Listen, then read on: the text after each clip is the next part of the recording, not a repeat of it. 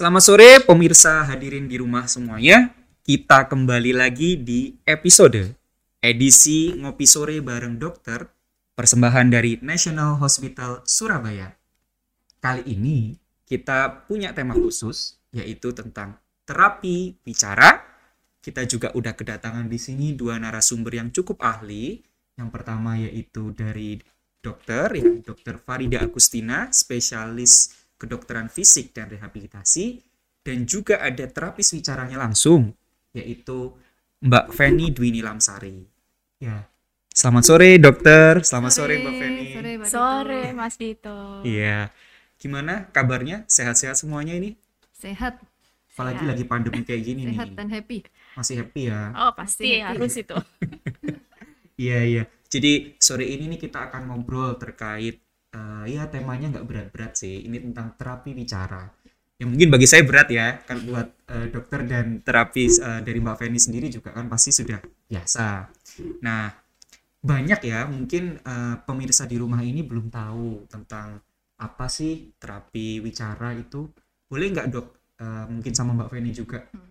Eh, saya dijelaskan dong pemirsa-pemirsa ini di, di- diberikan informasi apa sih sebenarnya terapi bicara itu Jadi eh, terapi bicara itu adalah eh, suatu kegiatan dari eh, kita yang dilakukan untuk mengakses dan untuk mentreatment, untuk me- menterapi, memberikan bantuan pada pasien-pasien yang mengalami gangguan komunikasi. Jadi saya di sini sebutkan gangguan komunikasi, baik itu gangguan bicara maupun gangguan berbahasa. Nah, itu nanti kalau kita detilkan lebih banyak, itu penyakitnya luas sekali. Jadi eh, begitu banyak sebenarnya orang-orang yang membutuhkan terapi bicara.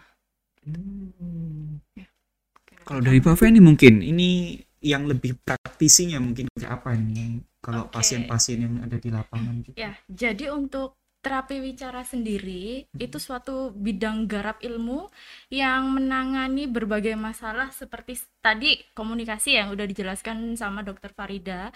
Selain itu kayak masalah bahasa, bicara, irama, terus suara serta masalah menelan seperti itu.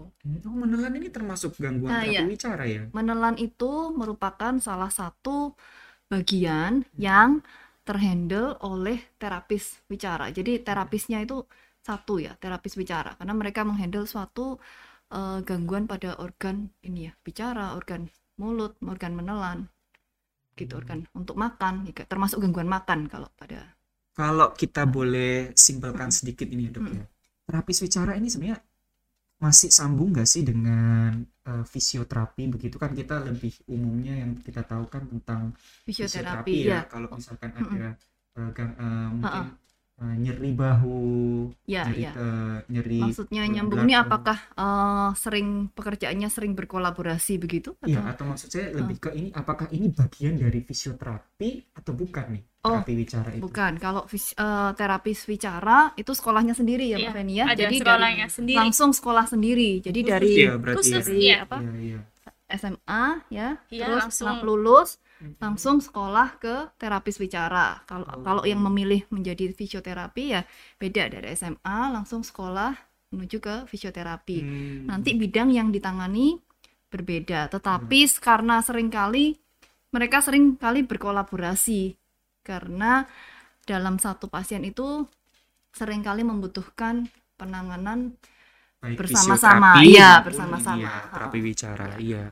Jadi begitu pemirsa, eh, untuk terapi bicara ini ternyata eh, cukup unik ya, cukup baru juga ini. Mungkin kalau di Indonesia sudah banyak nggak ya dok ya untuk yang sebenarnya sudah banyak, cuman memang jumlahnya di Indonesia sendiri tidak terlalu banyak ya Mbak Feni ya. Belum banyak di Indonesia sendiri. Universitas yang menelorkan speed saja cuman beberapa ya di Iya, Indonesia. Cuman mana aja? baru ada empat. Nah, itu. Mungkin baru kalau Indonesia baru empat ya? Baru empat di makanya Indonesia. jumlahnya sangat terbatas ya Mbak. Jumlahnya Atau masih sangat terbatas. Kalau kalau di. Indonesia nih, kira-kira jumlah terapis bicara itu ada berapa sih? Jumlahnya belum ada seribu kali ya Mas ya. Sedangkan kebutuhannya kan semakin tahun kan semakin meningkat. Jadi kalau di desa, ah, di desa, di kota kecil, di pelosok, di luar Iya. pulau banyak belum Masih ada. belum kita terjangkau. kita cukup beruntung di nasional punya speech uh, terapis dan beberapa lebih dari satu ya jadi pelayanannya cukup Kalau kerennya kita Oke. bicaranya speech therapist gitu ya. speech Iya, terapis ya speech bahasa therapist. Inggris sama bahasa Indonesia aja Iya ya. iya iya iya iya. Oke deh, Oke. eh, kita lanjut dulu nih dok Iya. ya. Eh, tentang terapi bicara itu sendiri. Ini biasanya eh, terapi bicara itu itu perlu dilakukan kepada pasien-pasien yang kenapa sih dok? Apakah eh, mungkin kita bicara penyebab-penyebabnya Mm-mm. sehingga seseorang tersebut membutuhkan terapi bicara. Oke. Ya. Jadi eh, pada beberapa kasus eh, penyakit tertentu itu pasien bisa mengalami yang tadi saya bilang gangguan komunikasi. Kita bagi gangguan bicara, mengalami gangguan bicara atau gangguan bahasa. Gangguan bicara itu tadi yang sudah disebutkan ya. Jadi ada yang gangguan tidak eh, voice-nya, jadi suaranya tuh pelan ya, seperti misalnya pada pasien-pasien Parkinson. Ya, kemudian ada yang ritmenya yang terganggu, suaranya monoton ya. Atau eh, artikulasinya terganggu, jadi pelo ya. Misalnya Hmm. pelo tuh pada orang stroke ya, atau gangguan pada syaraf eh, tertentu jadi pelo atau pada anak-anak misalnya umur 9 tahun atau 10 tahun tapi kok masih pelo. Nah, itu termasuk gangguan artikulasi. Di sisi yang satu lagi ada namanya gangguan berbahasa ya pada sering kali pada orang stroke itu sulit untuk eh, mengungkapkan apa yang dia mau ungkapkan atau pada kasus-kasus pada anak-anak gangguan bahasa pada anak-anak. Nah, kelompok eh, pasien seperti ini yang membutuhkan terapi bicara. Kalau gitu, Ya. Ini kan kalau dilihat Mm. begini kelihatannya pasien ini sangat bervariasi ya. Mm-mm, mm-mm. mulai dari yang paling muda sampai juga untuk eh, tua. tua Ya, gitu ya. geriatri. Heeh. Nah, ini yang lebih banyak yang mana nih? Eh, mungkin Mbak Feni yang sering memberikan terapi juga ini ke pasien-pasiennya. Kebetulan kalau di National Hospital sendiri, kita Hmm. lebih banyak untuk anak-anak yang mengalami masalah feeding. Oh, Jadi, masalah iya, feeding. masalah feeding lebih banyak. Dan ada juga pasien yang post stroke gitu. Post-stroke. Iya, Hmm. pasien post stroke juga banyak di sini. Tapi yang lebih banyak mengarah yaitu tadi ke feeding. Banyak Hmm. sekali anak-anak yang usia 2 tahun tapi dia masih makan yang lembek teksturnya seperti itu. Terus ada juga yang dia belum bisa bicara gitu. Ini termasuk juga yang kayak ini nggak sih kalau misalkan ada anak-anak yang misalkan umur 2 atau tiga tahun ketika sebayanya juga sudah bisa mulai lancar Mm-mm, ngomong mm-mm. terus ini anak misalkan si anak belum bisa bicara Ya, ya. itu Ya, termasuk itu seperti itu itu termasuk salah satu yang perlu kita eh, tangani ya, perlu Iya, kita iya, kasih iya. terapi. Kalau umur Hmm. tiga tahun, oh kok belum mengucapkan satu kata gitu ya.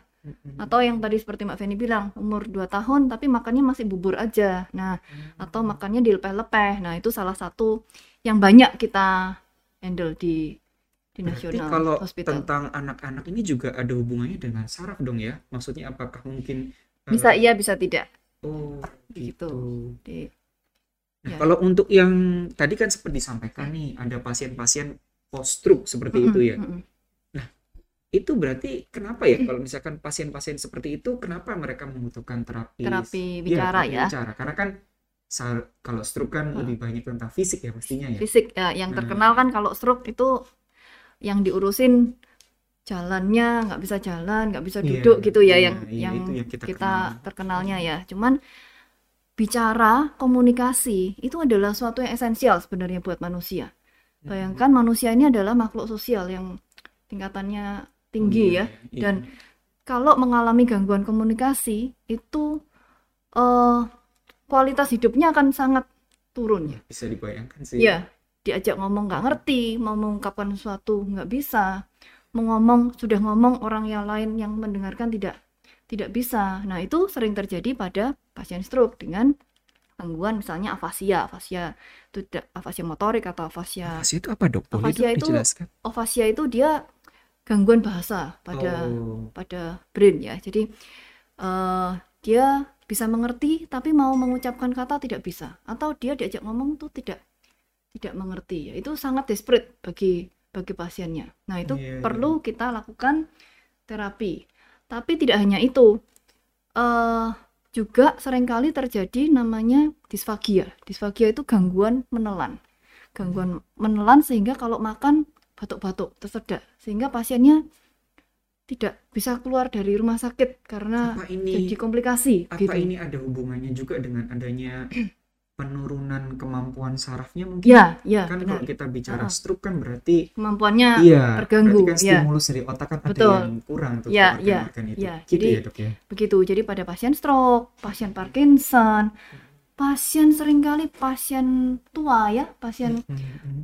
geriatri yang tidak ada stroke, tidak ada Parkinson, tetapi tidak bisa menelan atau bicaranya jadi pelan banget kalau kelemahan otot secara general. Itu juga biasa, itu cukup banyak, cukup banyak yang datang ke kita untuk kita lakukan, kita latih lagi. Hmm, iya, iya. Wah, berarti terapi bicara ini luas banget ya.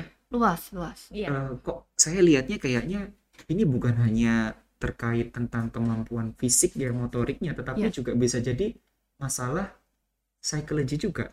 Eh, Iya atau bukan? Jadi gangguan komunikasi itu memang penyebabnya banyak, bisa organik, bisa non organik. Tetapi tentu saja kita ini memang bekerjanya dalam tim, ya selalu Oh, teamwork. Ya. Sehingga kalau eh, apa yang penyebabnya kita bisa handle, kita akan handle. Tapi kalau ada misalnya gangguan makan atau gangguan bicaranya terkait dengan gangguan psikologis, tentu saja kita punya tim psikiater, ya psikiater ke sini. psikiater, iya, Atau iya. manusia itu kan tidak terkotak-kotak ya. Jadi Mm-mm. manusia itu kayak tadi stroke itu juga butuh oke, kita latih nafasnya. Fisioterapi melatih nafasnya. Kita kuatkan eh, apa togok itu apa badannya ya untuk bisa tegak supaya makannya bisa lebih baik. Tentu saja peran dari teman-teman dari fisioterapi yang melatih gitu. Jadi kita selalu kolaborasi dalam satu tim Iya, iya. lengkap. Kalau begitu berarti ketika ketemu pasien nih, berarti kan nanti dokter akan lebih banyak melakukan assessment dulu ya Iya. ke pasiennya ini kira-kira eh, apa saja sih eh, yang menjadi eh, mungkin tantangan buat Iya, si pasien ini dan apa yang perlu diha- eh, dilakukan rehabilitasi seperti itu ya Iya. dok ya. Nah mungkin kita coba eh, ngobrol dulu nih sama Mbak Feni ini. Kira-kira nih ya Ya. kalau kepada pasien-pasien yang membutuhkan eh, jasa terapi bicara ya, ini challenge-nya apa aja sih yang dihadapin kalau misalkan lagi ini ya komunikasi dengan pasien melatihnya itu gimana terus apakah eh, ini sesuatu yang mudah juga untuk dilakukan oleh pasien seperti itu kan kalau kita bicara fisioterapi kan kalau latihan jalan gitu ya itu kan kayaknya ya nggak mudah juga ya nah ini kalau terapi bicara nih apa nih challenge challenge-nya Kalau challenge-nya sendiri ya tergantung dengan kondisi pasien ya. Kalau misalnya untuk anak-anak biasanya kan anak-anak itu gampang banget rewel ya. Apalagi anak-anak sendiri tuh kadang kalau ketemu orang yang baru gitu ya, datang baru datang pertama, ketemu orang baru langsung takut. Kalau nggak takut malu kayak gitu. Kadang-kadang Lagi masa seperti itu. pandemi ya Mbak Feni. Apalagi di masa pandemi, Nggak bener pernah banget. ketemu Nggak pernah ketemu dia, dia malah menghindar ya malah Iya, malah malah kalau diajak eh, terap latihan gitu malah dia bisa jadi nggak nggak kooperatif juga Iya, nih kalau kayak benar. gini itu biasanya untuk pertemuan ke satu kedua biasa seperti itu kadang kan gini ada orang tua yang tiba-tiba tanya sus ini kira-kira berapa lama sih terapinya berapa lama anak saya bisa sembuh waduh. Seperti itu. Sering sekali orang tua itu tanya-tanya seperti itu. Terus kembali lagi saya jelaskan. Untuk berapa lamanya itu tergantung dari orang tua. Pertama. Karena kan gini nggak mungkin anak itu 24 jam sama terapis. Nggak mungkin iya kan? iya. Yang Bosen jelas, dong kalau iyalah. 24 jam. yang jelas kan 23 jam dengan orang tua satu Iya. jam pasti dengan kita kan? Iya terapi dengan kita. Jadi gimana pun ya harus dimaksimalkan dengan orang tua, komunikasi dengan orang tua.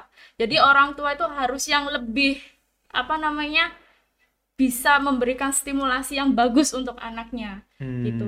ini ini ini kan contoh kalau misalkan pasien anak-anak Ya, ya itu untuk Nah, pasien kalau anak-anak. pasien yang dewasa gimana Kalau pasien dewasa mungkin contoh untuk deh yang kendalanya stroke tadi yang ah, kena- stroke ya, ah, yang kendalanya. pasca stroke ini kalau orang pasca stroke kadang kan emosinya itu yang pertama kan yang kena ya emosinya karena kan dia kayak susah untuk bicara susah untuk komunikasi kadang dia tuh kayak ngerasa aduh aku Udah. males nih kayak gitu kan Udah stressful duluan udah ya. stres duluan gitu kan Iya. jadi mungkin dia udah gampang capek emosi udah kena terus gampang bad mood kan seperti itu kan orang-orang yang pas stroke itu terus ada juga kadang kalau semisalnya pasiennya datang ke rumah sakit mungkin jarak antara rumahnya dengan National Hospital terlalu jauh bisa juga mempengaruhi jadi udah capek duluan kayak gitu Oh. ada juga kadang masalah di alat mungkin alat untuk terapi kadang ada yang Terapi bicara ini juga pakai alat-alat khusus ya. ya jelas pasti ada alat-alat Ah. khusus juga yang untuk Oke. mensupport supaya cepat pulih lah si pasiennya itu Oh. Iya iya iya iya. iya. Wah. Jadi eh, memang kalau kita selalu himbau pada pasien ya, selalu edukasi kalau pasien-pasien kami ya. Untungnya nih speech therapistnya kita nih super super sabar. Nah ini Iya, sama Pak Wahyu ya luar biasa, super super sabar. Jadi anak-anaknya nempel semua ya. Terus, jadi kita selalu himbau ke orang tua kalau kita ini sebenarnya lebih ke mentoring ya. Kita ngajarin, kita satu jam sekali, seminggu dua tiga kali. Tapi eh, terapi sebenarnya adalah anda gitu keluarga Iya. di rumah. Berarti Jadi kita kita ajarin Iya, memang. iya. kita train. Mereka kita kira-kira apa saja Iya, sih kita training. iya, kita training keluarga untuk bisa melakukan terapi di rumah. Jadi kita kasih PR setelah pulang dari rumah sakit kita kasih PR Ya. bu ini nanti ada PR tolong dikerjakan seperti itu Hmm. Berarti apalagi kalau zaman pandemi gini ya, itu kan kalau terapi bicara kan harus buka ini ya, buka masker juga itu. Itu apa kayak gerakan-gerakan itu gerakan mulut gitu. Berarti latihan nanti eh, kita mungkin pijat-pijat mulut begitu kah itu atau suatu challenge tersendiri sebenarnya iya, buat bener. eh, di masa pandemi ini kan kita memang safety number one ya Iya. kita eh, keselamatan pasien dan keselamatan petugas adalah nomor Hmm. satu. Kalau tidak semua harus membuka masker memang, tapi ada eh, beberapa teknik yang kita ini sebenarnya butuh melihat ya Mbak Feni, iya harus butuh melihat melihat langsung pergerakan pergerakan. Nah itu yang memang eh, suatu challenge buat kita. Iya, iya. Eh, tapi tidak semua. Sebagai ada yang ada yang bisa dengan voice ada yang bisa dengan gerakan-gerakan kita ada yang kita lakukan massage ya. Tapi kita sampai ngerekam ya. Iya ngerekam benar. Kalau dari Rekam. kita sendiri pakai biasanya kita Teknologi. rekam dulu ya kan sekarang udah canggih ya zamannya. Bisa pakai HP kita rekam dulu. Misalnya oh hari ini kita mau ngelatih produksi vokal ya udah kita bikin vokal dulu dari kita kita contohin nanti saat terapi kita tunjukin gitu jadi Hmm. satu-satu beberapa teknik yang Beberapa kita tekniknya. bisa Selalu ada cara ya. iya pakai. selalu Ya, ada kita, cara kita benar apa pun yang terbaik Iya, iya, untuk, iya. untuk pasien sebenarnya Iya iya Gitu. iya iya. Hmm, tapi kalau sejauh ini misalkan contoh eh, tadi kan juga ada terapi menelan gitu ya, Mm-mm. eh, menelan. Itu berarti nanti eh, pasien ini kita bawakan makanan juga gitu, maksudnya makanan untuk mereka latih menelan gitu atau bagaimana itu kalau yang namanya terapi menelan? Kalau terapi menelan, memang kan namanya latihan menelan. Yang Mm-mm. terbaik adalah latihan dengan menelan. Ya, kalau kita latihan basket paling baik ya main basket Iya. gitu ya. Bukan Bola baca, basket. baca buku, baca buku teori basket ya. Ya, eh, kami selalu himbau kalau kita asesmen ya, terutama pasti asesmen. Kalau pasiennya sudah memenuhi syarat keamanan untuk kita latih sampai menelan, kita biasanya pakai real makanan untuk dilatih menelan. Begitu juga pada anak-anak yang gangguan makan, kita selalu eh, pakai real, real. Jadi benar-benar makanan yang kita mau latihkan itu. Kalau dia sudah cukup aman ya. Iya iya. Iya, Iya, itu benar. Selain itu sih mungkin bisa juga mungkin pakai alat-alat juga, tapi Hmm. kan gini, lebih baiknya nggak mungkin kan anak itu misalnya kita pakai grabber ya, ada alat untuk terapi bicara itu untuk pergerakan rahang. Kita latih grabber. Terus Grabber itu apa? Berarti mulutnya nanti di ya, jadi grabber itu sikat gitu kan? bukan Untuk sikat, nguatin untuk nguatin rahang, otot Rahang. rahang. Jadi ada alat itu untuk digigit, dikunyah seperti itu. Mhm. Jadi kan lebih bagusnya memang untuk yang makanan asli.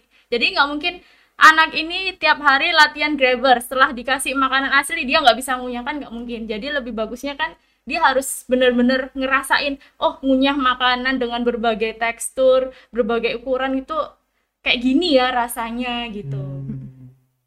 Seperti iya. itu sih ternyata banyak juga ya saya pikir itu kan ya latihan online latihan aja Iya. ternyata ada Kita ilmu ya. ya untuk Iya, mempelajarinya itu ilmunya. juga ya. waduh biasa. tinggal nyuapin gitu bukan ada gitu kalau misalkan yang anak-anak eh, kita kasih makannya gitu terus dia ngelepeh kayak gitu-gitu ya ada juga itu yang model gitu ada juga Oh, itu banyak Eh, cukup banyak pasien banyak.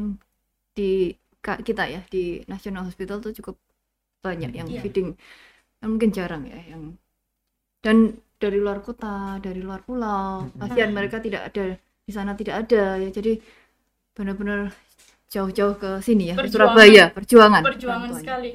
Saya akuin orang tua di luar sana hebat semuanya. Wah kalau dari luar kota sampai ke sini berarti cukup unik ya. Maksudnya nggak semua tempat ini punya ya namanya terapis bicara ya. Iya. Hmm, iya iya iya iya iya. Nah, ini eh, karena juga luasnya apa ya? Ini topik ini juga cukup luas kan ya. Eh, saya ingin tahu sih ini sebenarnya kalau untuk terapis wicara ini apakah ini hanya dilakukan untuk orang-orang yang maunya eh, gangguan bicara saja atau kita juga ada bisa kita gunakan untuk latihan-latihan yang sifatnya preventif terhadap mungkin gangguan-gangguan eh, yang bisa terjadi pada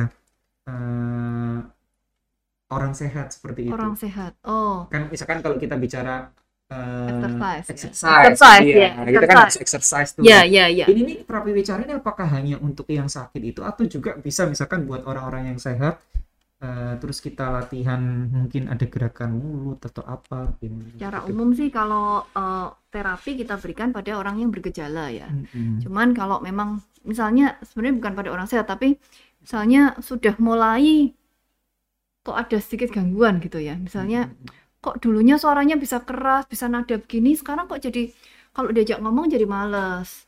Atau jadi suaranya kok lirih. Atau kok nadanya sekarang kalau diajak bergurau kok nadanya datar banget gitu ya. Monoton gitu. Monoton. Nah, Sesimpel itu penyebabnya dok. oh, enggak maksudnya, maksudnya apa, eh, ya, maksudnya hal kecil seperti ya itu itu bisa menjadi aspek- suatu sign. harus sign. diwaspadai Selain waspadai. Nah, mungkin kalau seperti itu mungkin kita bisa mulai latih ya. Per, apakah pernafasannya Pernafasan yang dulu kurang, apakah dia habis sakit cukup saya nggak lama kepikiran ya. sih ternyata hal-hal kecil kayak gitu juga kita, Kita- pikirin Kita cukup banyak pasien di rawat Terapi inap ya, Iya. Mbak Feni. Heeh. Kita cukup iya. banyak pasien-pasien dengan penyakit kronis Mm-mm. dan pasien-pasien eh, penyakit respiratori yang lama ya, penyakit Iya, pernafasan yang sudah cukup lama sehingga bukan organ ininya tapi dia lemah ya, lemah sekali, tidak bisa bicara, tidak bisa itu kita latih, bisa bicara tapi lirih. Kita latih lagi, kita voice voice-nya lagi dilatih, gitu. kita, kasih kuatkan. stimulasi gitu. Bukan orang normal benar-benar normal begini tapi Hmm. orang yang masih bisa bicara, masih bisa bersuara tapi lirih sekali ya, pelan sehingga mengganggu kualitas hidupnya. Itu kita latih. iya iya Iya. Kira-kira kalau eh, terapi bicara itu sendiri Hmm. itu biasanya ya ini saya kan nggak tahu ya Hmm. untuk eh, proses terapinya itu sendiri itu kan yang namanya terapi kan harus sering dilakukan ya intensitasnya kan tentu harus banyak. Itu rata-rata kebanyakan berapa lama sih? Mm. nah ini kan kayak balik lagi ke pertanyaan yang tadi. pertanyaan orang tua. Jadi iya iya iya. Gimana berapa gimana? lamanya saya tekankan lagi tergantung orang tuanya kooperatif atau tidak enggak ini kan kalau untuk anak-anak ya tapi Iya. kalau untuk yang kalau Eh, untuk eh, yang rata-rata masalah- secara umum misalkan yang tadi yang stroke apa kayak gitu-gitu kalau stroke yang jelas kita mengejar masa emasnya kan ada tuh golden Oh, iya. time-nya Golden period. golden Ah, period, golden iya. periodnya. Jadi kita kejar.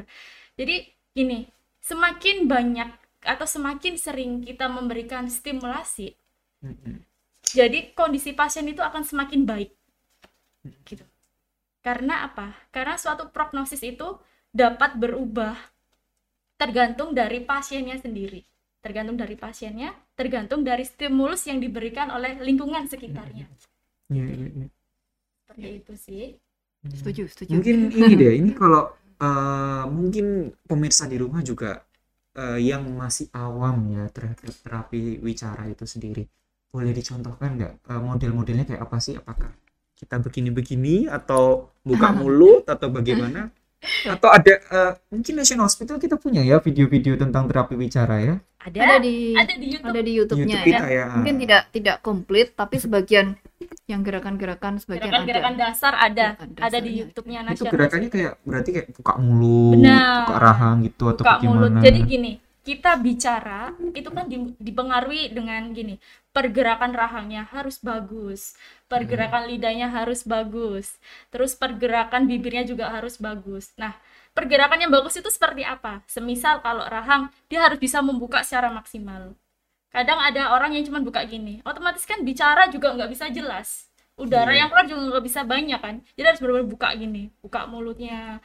Terus lidah, lidah itu pergerakan bagus, dikatakan bagus ketika dia bisa menggerakkan lidahnya ke depan, ke belakang, ke samping, kanan kiri, serta ke atas dan ke bawah. Oh, berarti latihannya kita termasuk menggerakkan lidah itu juga bagian dari ini ya? Benar. ah.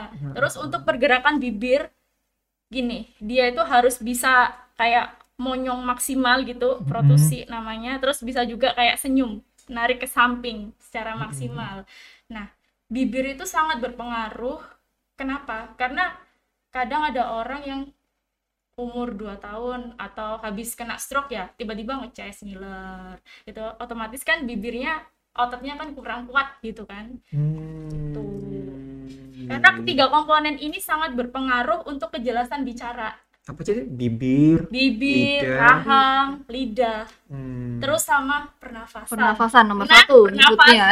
saya pernah Iya, balik lagi. kalau kita bicara itu kan sebenarnya eh, saya pernah baca-baca gitu bicara itu kan sebenarnya kita mengeluarkan eh, udara ya tekanan udara dari Mm-mm. dalam eh, mungkin perut ya perut ya Dalam paru-paru. oh dalam Nah, paru-paru ya sorry dalam paru-paru begitu terus nanti dia menggerakkan eh, apa ini Pita pita suara, pita pita suara menggeta- eh, bergetar, kemudian Bergetar. ada resonansi Iya. terus nanti diartikulasikan iya. lewat eh, ini ya rahang otot-otot di dalam eh, mulut kita Mm-mm. seperti itu. Be- begitu kan ya Benar. nah berarti terapi wicara ini sendiri itu yang di apa ya yang yang menjadi objek yang dilatih gitu ya itu berarti ya sekitar ini tadi ya rahangnya terus habis itu lidahnya terus eh, bibirnya bagaimana buka dan menutupnya begitu berarti ya Eh, mungkin saya bisa tambahkan sedikit Iya. ya. Jadi itu yang kita tadi bilang kalau itu masalah bicara ya. Tapi Hmm. kalau kita bilang ini komunikasi, masalah Mhm. bahasa, kita juga eh, harus ingat berbicara dan eh, itu membutuhkan suatu kognitif yang baik. Selain itu ada Selain juga selain organ-organ, organ. kognitifnya juga harus baik. Kalau pada Hmm. orang stroke itu selain organ ini yang terganggu, tapi juga ada gangguan di pusat ya di saraf Hmm. pusatnya atau anak-anak dengan kondisi tertentu. Jadi ber- eh, kembali lagi terapi bicara itu bukan hanya di massage dan digosok-gosok seperti mungkin beberapa orang berpikir pokoknya kalau nggak bisa ngomong itu dipijet-pijet sama digosok-gosok pakai sikat. Nah Hmm. itu tidak tidak, Tidak seperti itu, aja ya, tidak seperti itu. Lalu latihan A I U E O saja tidak seperti itu. Iya. Tapi ada namanya terapi pengenalan kata Iya, ya pengenalan untuk kata terapi untuk ngembangin bahasanya mengembangkan tadi. bahasanya, pemahamannya bagaimana, Hmm. kemudian memperkaya kosakata, struktur bahasanya, ini termasuk Terus Ini, ya. ada juga dok ya atensi. atensinya termasuk betul, at- Atensi. attention-nya si pasien konsentrasi, gitu ya, Iya, konsentrasinya, konsentrasinya. ini dikasih eh, diajarin atau diajak bicara oleh eh, orang itu bisa memperhatikan atau tidak, bisa mengerti atau tidak. Nah itu itu merupakan salah satu dari bagian yang akan di terapi karena bicara itu suatu yang kompleks ya, Kompleks. bukan hanya mengeluarkan suara tapi prosesnya panjang. Iya. Atensi dulu, paham, berarti ini mendengar, paham, iya, Iya, terus baru diproses. Kita ini juga ya, maksudnya kan sambil kita terapi bicara, kita juga melatih ya otak kita, konsentrasi kita Ya, gitu itu ya. salah Dok, satu faktor yang perlu dipertimbangkan dalam menterapi eh, pasien dengan gangguan bicara. Luar biasa sekali, ini banyak banget nih berarti Banyak kalau kita Banyak. kalau kita mau detailkan satu-satu nggak selesai-selesai Dan- nih pembicaraan kita. nanti. Dan harus harus detail karena Iya, Harus iya, detail karena per pasien Iya, iya, eh, eh, iya, iya. itu detail masalahnya beda-beda ya. Iya, iya. Nah, ini buat pemirsa nih yang khususnya di Surabaya. Kalau eh, butuh ya untuk mungkin tadi sempat diceritakan oleh Dokter Farida dan juga Mbak Feni gitu ya. Mungkin teman-teman eh, anaknya atau saudaranya punya keluhan-keluhan dalam berbicara, bisa juga nih eh, konsultasi sama Dokter Farida gitu ya di National Hospital. Jadi eh, harapannya memang ya informasi ini kita bisa mengedukasi juga ya Edukasi, buat para iya, pasien-pasien untuk di masyarakat rumah. ya. untuk masyarakat itu. di luar sana. Mm-mm. Ya. Ini kalau boleh tahu dokter eh, jam prakteknya kapan nih kalau di National Hospital? Mungkin ini udah ada banyak yang tanya-tanya nih. Kalau di konsultasi. NH ada di websitenya NH ya, Senin Rabu Jumat. Eh, websitenya NH cukup lengkap. Iya iya. Senin Rabu Jumat. Senin Rabu Jumat nih.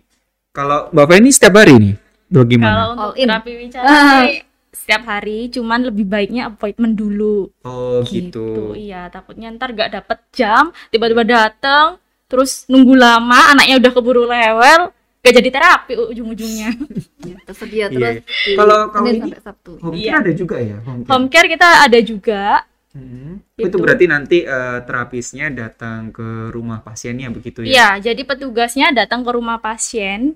Terus kita juga nanti dilengkapi dengan APD yang lengkap. Hmm. Jadi nggak usah takut, nggak usah khawatir Iya. gitu. Beberapa pasien eh, kan ada yang tidak bisa berjalan, Iya, pasien iya, stroke iya. tanpa yang udah sepuh Iya, ya, kan. Yang sudah lansia. Karena kalau kita bicara tentang terapi wicara itu kan otomatis pasti kemungkinan besar juga akan lepas masker gitu kan ya mestinya. Nah ini eh, Enggak, kita selalu pakai. oh bukan Kalau- maksud, maksud saya artinya apa yang kita lakukan yang di National Hospital lakukan harusnya ini sudah aman dong buat Ya. kalau Iya. pasien mau eh, datang ke sini seperti itu. Jangan takut buat Jangan datang lagi takut. ke rumah sakit. Karena yang jelas untuk ruangan kita sendiri selalu kita sterilin. Jadi kalau semisal ada pasien satu baru masuk, ntar spraynya kita ganti lagi. APD juga kita ganti lagi. Nggak mungkin kita juga kasihan juga lah anak-anak gitu kan. Kita juga nggak mungkin apa ya membuat orang tua jadi ragu, takut juga kan nggak mungkin gitu. Iya, iya. Terus jangan lupa datangnya kita ada setiap hari Senin sampai hari Minggu. Minggu. Oh Iya, iya, minggu. kita sudah ada. Minggu udah ada. Jamnya dari jam 7 sampai terakhir jam 8 malam Wah, gitu. Tapi kalau untuk hari Minggu kita cuma setengah hari aja, cuma satu petugas. Jadi Iya, mohon iya. maaf, cuma sampai jam iya, 12 gitu. Oke deh. Ya kayaknya sih eh, mungkin sekian dulu ya eh, ngobrol sore kita kali ini. Nanti eh, kalau pemirsa di rumah eh, mau tahu informasi yang lebih detail, bisa juga langsung aja datang ke National Hospital atau bisa kepo-kepoin eh, YouTube-nya NH juga National Hospital itu kalau nggak salah memang saya pernah lihat sih ada salah satu video yang juga cukup trending itu ya Eh, eh, tentang terapi bicara. Ya, tentang oral motor Iya, exercise. tentang orang motor itu. ya. Iya, iya.